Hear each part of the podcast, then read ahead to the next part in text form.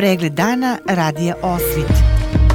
Lokalne vesti iz Vornika i regiona Birač. Pratite pregled dana za 28. decembar 2023. godine. Tužilaštvo Bosne i Hercegovine podiglo je optužnicu protiv 11 osoba zbog zločina protiv čovečnosti počinjenog na području Zvornika u proleće 1992. godine. Za zločine počinjene od kraja maja do početka juna 1992. godine optuženi su Vidoje Blagojević, Ivan i Milan Arapović, Kosta Pejić, Božo Radić, Mile Savić, Mile Blagojević, Ljubiša Pejić, Stevo Vasiljević, Branko Pejić i Verica Radović. Kako se navodi u saopštenju tužilaštva Bosne i Hercegovine, svi su osim Radovića i Blagojevića bili pripadnici Karakajske čete u sastavu teritorijalne odbrane Zvornik, a kasnije Zvorničke brigade Vojske Republike Srpske. Prema optužnici Ivan i Milana Rapović, Kosta, Branko i Ljubiša Pejić, Radić, Savić, Mile Blagojević i Vasiljević su zajedno i sa drugim osobama u svojstvu stražara u Tehničko-školskom centru u Karakaju učestvovali u nezakonitom zatvaranju i nečovečnom postupanju prema oko oko 700 bošnjačkih muškaraca i dečaka. Civili su, kako stoji u saopštenju, bili starosti od 15 do 70 godina. Prema optužnici od posljedica nečovečnih uslova preminule oko 20 civila, a stražari nisu sprečavali ubistva zatvorenika od strane poznatih i nepoznatih vojnika unutar prostorija gde su ih čuvali. Stražari nisu sprečavali ni izvođenje zatvorenih civila u nepoznatom pravcu od kada se mnogima od njih gubi svaki trag. Posmrtni ostaci pronađenih ubijenih civila su uglavnom eshumirani iz jedne od najvećih masovnih grobnica u Bosni i Hercegovini na lokalitetu Crni vrh kod Zvornika, tako da je do sada pronađeno identifikovano oko 420 žrtava odvedenih ka Belom potoku 1. juna 1992. godine, a oko 240 žrtava do danas nije pronađeno. Optužnica je prosleđena na potvrđivanje sudu Bosne i Hercegovine. Gradski odbor SDS-a Zvornik danas je organizovao konferenciju za medije u prostorijama Gradskog odbora SDS-a Zvornik, a povodom podizanja optužnice protiv narodnog poslanika Srpske demokratske stranke u Narodnoj skupštini Republike Srpske i predsjednika glavnog odbora SDS Zvornika Dragomira Vasića. U nastavku poslušajte konferenciju za medije na kojoj je govorio Dragomir Vasić, predsjednik glavnog odbora SDS-a Zvornik i narodni poslanik Srpske demokratske stranke u Narodnoj skupštini Republike Srpske. Dobar dan svima, želim da pozdravim sve predstavnike medija i da vas se zahvalim što ste danas ovdje kod nas. Dakle, razlog današnje konferencije je čestitka kojom je tužilaštvo Bosne i Hercegovine po ko zna koji put čestitalo Srbima novogodišnje i božićne praznike putem optužnice za događaj koji se zbio prije čak 32 godine, dakle 1. juna 1992. godine, a to je iseljavanje Đulića i okolnih sela. Čuli ste u toj grupi ljudi koji su obuhvaćeni optužnicom, nalazim se i ja. Vi znate da sam ja nakon 15 godina istrage 2014. optužen za genocid u Srebrenici i nisam tada dizao nikakvu medijsku prašinu. Dao sam svega dve izjave, jednu BN televiziji nakon podizanja optužnice, a drugu radio televizije Republike Srpske nakon oslobađajuće presude. Ja sam tada obavljao dužnost načelnika Centra bezbednosti i bilo je logično da se moja uloga preispita. Suđenje je trajalo, kao što znate, preko 7 godina uz saslušanje 163 svjedoka. Oslobođen sam po svih 10 tačaka optužnice u prvom i drugom stepenu. Očigledno je da mi tužilaštvo Bosne i Hercegovine ne može oprostiti ovu oslobađajuću presudu za Srebrenicu i ide u osvetu sa novom optužnicom. Ja sam u Zvornik došao sa narodom 30. maja 1992. godine. Nakon što je naše selo, Brnica u opštini Živinice, oružano napadnuto i spaljeno do temelja, što naravno nikoga u ovoj državi ne interesuje. U 1992. godini ja nisam imao nikakvu rukovodnu funkciju u civilnoj, vojnoj, niti policijskoj strukturi, niti sam mogao 1. juna, dakle jedan dan nakon dolaska u Zvornik, odlučivati o bilo čemu u Zvorniku, u kome su već dva mjeseca bila određena ratna dešavanja kojima nisam znao ništa i u kome je već na neki način funkcionisala vojna i civilna vlast. Znajući tu činjenicu, tužilaštvo mi je smislilo novu, do sada nepoznatu ulogu u pravu i zakonu. Pa da ne mislite da se šalim s vama, iako je znam na pamet, ja ću je pročitati. Dakle, Vasić Dragomir, postupajući kao predvodnik izbjeglih Srba iz sela Brnca, opština Živinice, te organizator njihovog naoružavanja kao njihov de facto vođa koji se brinuo za njih. Dakle, to je moja funkcija. Jasno je da se radi o zlupotrebi ovlaštenja od strane postupajućeg tužioca i politički montiranoj optužnici, koja ima za cilj novi progon mene i moje porodice. Postoje vrlo, vrlo ozbiljne indicije da su moje diskusije i stavovi na sjednicama Narodne skupštine ključni razlog za podizanje ove optužnice. Ja pozivam sud Bosne i Hercegovine da odbije potvrđivanje ove optužnice nakon što prouči navode, pravnu kvalifikaciju i opis navodnih krivičnih dijela u kontekstu uloge koju mi je tužilac dodijelio. Zaista je zanimljiva slučajnost pod navodnicima da kad god sam na demokratski način od strane naroda izabran za narodnog poslanika, sada već treći put, budem spriječen da obavljam tu dužnost, prvi put 2003. godine oduzimanje mandata od strane Pedija Ešdauna, drugi put 2014. podizanjem optužnice za genocid u Srebrenici i sada 2023. podizanjem nove optužnice za događaj koji se, kao što sam rekao, zbio prije 32 godine i povodom koga ja nisam mogao donositi nikakve odluke. Naravno, koliko sud BiH i potvrdi ovakvu nakaradnu optužnicu, a svi koji nešto znaju o pravu smatraju da je ovo sramota i lakrdija za pravosuđe Bosne i Hercegovine, ja ću sa svojim pravnim timom morati naći ponovo snage da se odbranim i od ovih napada kroz sudski proces, jer bukvalno neću imati drugog izbora. I kao što naši stari ljudi kažu, molim se Bogu da da snage meni i moje porodici da i ovo preguramo uspješno. Tačka optužnice po kojoj ste vi sada optuženi bila je predmet suđenja u Beogradu, kada se sudilo Branju Grujiću i Branku Popoviću, poslu komandant odgovornosti. Vi ste tada na tom suđenju bili svedok. Tako je, javnosti je poznato da je u specijalnom sudu u Beogradu vođen već sudski postupak protiv komandanta štaba TU Zvornik Marka Pavlovića ili Branka Popovića, kako se već zvao, i predsjednika privremene vlade Branka Grujića, koji su osuđeni na 15 i 6 godina zatvora. U toj presudi sudsko vijeće je vrlo jasno utvrdilo ko je donosio naredbe vezane za iseljavanje stanovništva, i sela kao i angažovanje jedinica TU te pripadnika civilne policije, to je presuđena činjenica. Ja sam u tom predmetu svjedočio 5. februara 2009 na okolnosti koje su mi poznate oko zahtjeva za dobrovoljno iseljavanje tih lica i kasnijeg naseljavanja izbjeglog stanovništva iz Živinica i Kladnja u napuštena sela Lupe i Đuliće, po odluci komisarijata za izbjeglice opštine Zvornik.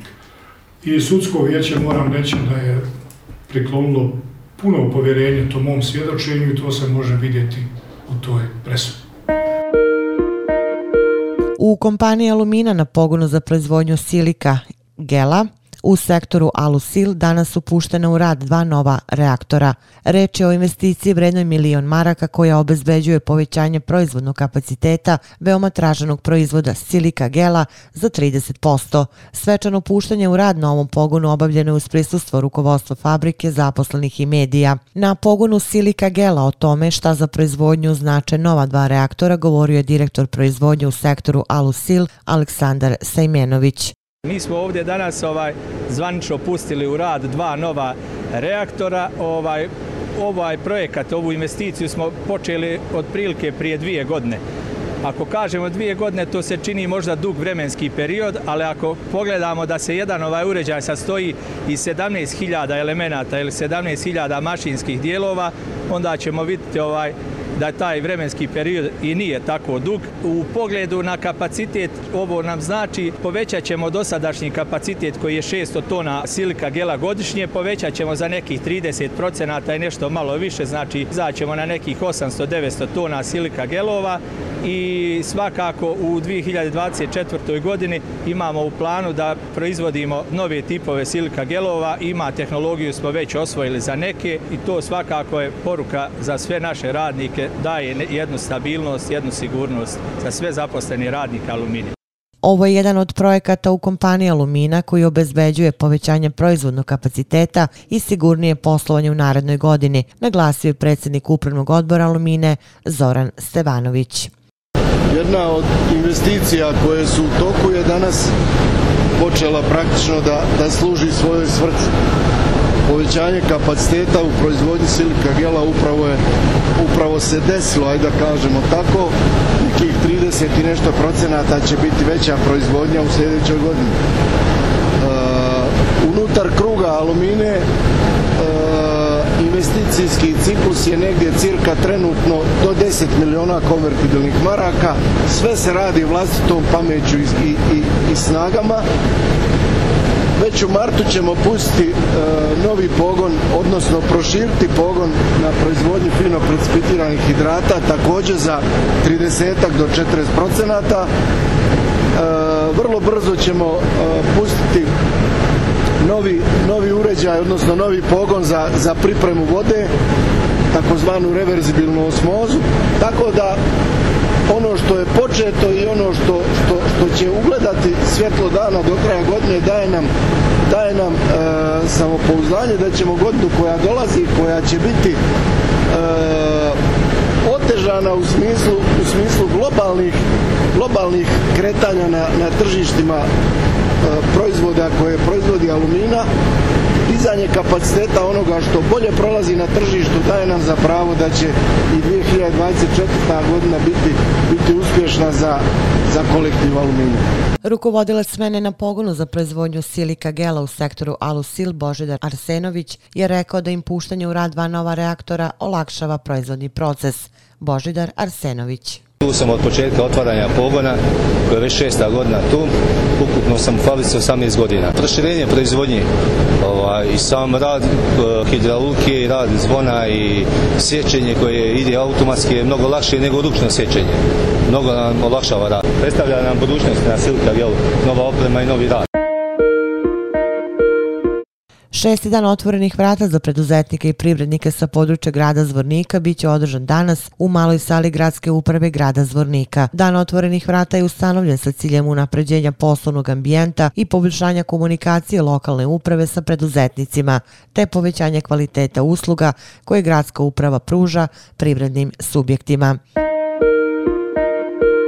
Na Tehnološkom fakultetu u Zvorniku juče je obeleženo 30 godina od osnivanja ove visokoškolske ustanove u okviru Univerziteta Istočno Sarajevo. Povodom jubileja ukazana je posebno čast osnivaču i prvom dekanu fakulteta, profesoru Nemanji Popoviću. Ceremonijom otkrivanja reljefa portreta profesora Nemanje Popovića u holu Tehnološkog fakulteta u Zvorniku obeležen je ovaj vredan jubilej u prostorijama ove naučno-obrazovne ustanove, a proslova je nastavljena i svečanom akademijom u Domu omladine u Zvorniku Zvorniku. Podižući plato na reljefnom portretu postavljenom na zidu u holu na ulazu u fakultet, osnivaču Nemanji Popoviću, dekan Tehnološkog fakulteta fakulteta Dragan Vujadinović je naglasio da je on najzaslužniji i da zahvaljujući njemu Zvornik danas ima ovu visoko školsku ustanovu. Osnivač i prvi dekan fakulteta profesor Nemanja Popović je rekao da je posebno ponosan da je imao sreću da dočeka duboko poštovanje svojih nekadašnjih studenta, danas obrstnih stručnjaka i naučnih radnika koji su mu na ovaj način odali počast. Tehnološki fakultet materijalno i kadrovski je osposobljen da obrazuje stručni kadar kako na prvom akademskom ciklusu, tako i na postdiplomskim i doktorskim studijima. Istako je dekan Tehnološkog fakulteta Zvornik Dragan Vujadinović, obraćajući se medijima nakon otkrivanja portreta u krugu fakulteta, iznoseći podatke koji to potvrđuju. U prigodnom govoru na Svečanoj akademiji povodom 30 godina rada, on je naglasio da ovaj fakultet predstavlja moderno opremljenu internacionalnu visokoškolsku obrazovnu ustanovu. Na Svečanoj akademiji održanoj u Zvorničkom domu omladine prikazan je retrospektivni film o tri decenije tehnološkog fakulteta i dodeljena priznanja i zahvalnice za doprinos razvoju. Do sada je na fakultetu diplomiralo 539 studenta, magistriralo 46, masteriralo 54 i doktoriralo 34 studenta. Ovo je prilika da se podsjetimo svih onih koji su stvarali univerzitet i ovaj fakultet, jer bez fakulteta ni Republika Srpska ne bi bila ono što sada jeste, naglasio je rektor Univerziteta Istočno Sarajevo Milan Kulić, posebno pohvalivši rad Tehnološkog fakulteta u Zvorniku. Na svečanoj akademiji gradonačelnik Zvornika Bojan Ivanović je čestitao veliki jubilej Tehnološkom fakultetu, zahvalio se na dosadašnjoj saradnji i naglasio da će i dalje ulagati u obrazovanje i mlade, jer time ulažu u svetliju budućnost. Vaspitači dečeg vrtića Naša radost danas su organizovali humanitarni novogodišnji bazar pod nazivom Za bebu više. Kako je za naš radio rekla, vede direktor dečeg vrtića Naša radost Maja Soro, ideja je potekla od samih vaspitača jer se u poslednje vreme sve veći broj mladih bračnih parova bori za potomstvo. Maja Soro. Dječji vrtić Naša radost po drugi put organizuje humanitarnu akciju za bebu više. Ideja je potekla od samih vaspitača jer smo svjesni činjenice da u posljednje vrijeme je sve veći broj mladih bračnih parova koji se bore za potomstvo. E, mi u vrtiću kada organizujemo bilo koju, e, bilo koju vrstu aktivnosti, da li su to e, priredbe, radionice sa roditeljima ili ovako humanitarne akcije, akcije, akcenat uvijek stavljamo na djecu, jer su djeca naša inspiracija i motivacija. I mi baš želimo da kroz ovakve humanitarne akcije naučimo djecu šta je to humanost i da im pokažemo kako je lijepo pomoći nekom drugom. Možda oni danas neće znati kome je ovaj novac namijenjen, ali će svakako znati da učestvuju u humanitarnoj akciji i da čine jedno dobro dijelo. Mi kao predškolska ustanova želimo da e, poručimo roditeljima koji se bore za svoju bebu da nisu sami i da im pružamo ruku podrške. E, istinski se nadamo da će u novoj godini ostvariti sve svoje želje. Učenici Tehničko-školskog centra Zvornik tradicionalno su se potrudili da ulepšaju praznike najmlađim i najosjetljivijim članovima naše zajednice. Savet učenika ponovo je organizovao humanitarnu akciju Jedan slatkiš, jedno dete, a od prikupljenih slatkiša napravili su 68 paketića. Od toga 10 paketića uručili su učenicima odelenja sa smetnjama u razvoju osnovne škole Sveti Sava, 28 paketića u udruženju Dečija Nada i 30 paketića Crvenom krstu Zvornik. Logopedski centar Palengetić poklonio je srednjoj školi Sveti Sava deo nameštaja za opremanje kabineta zdravstvene nege. Kako je rekla Jasmina Palengetić, vlasnica logopedskog centra, kako su novogodišnji praznici dani darivanja najdražima, rešili su da poklone desetak stolica za kabinet. Opširni na sajtu lozničkenovosti.com. Pratili ste pregled dana za 28. decembar 2023. godine. Hvala na pažnje. Pregled dana radija Osvit. Lokalne vesti iz Vornika i regiona Birač.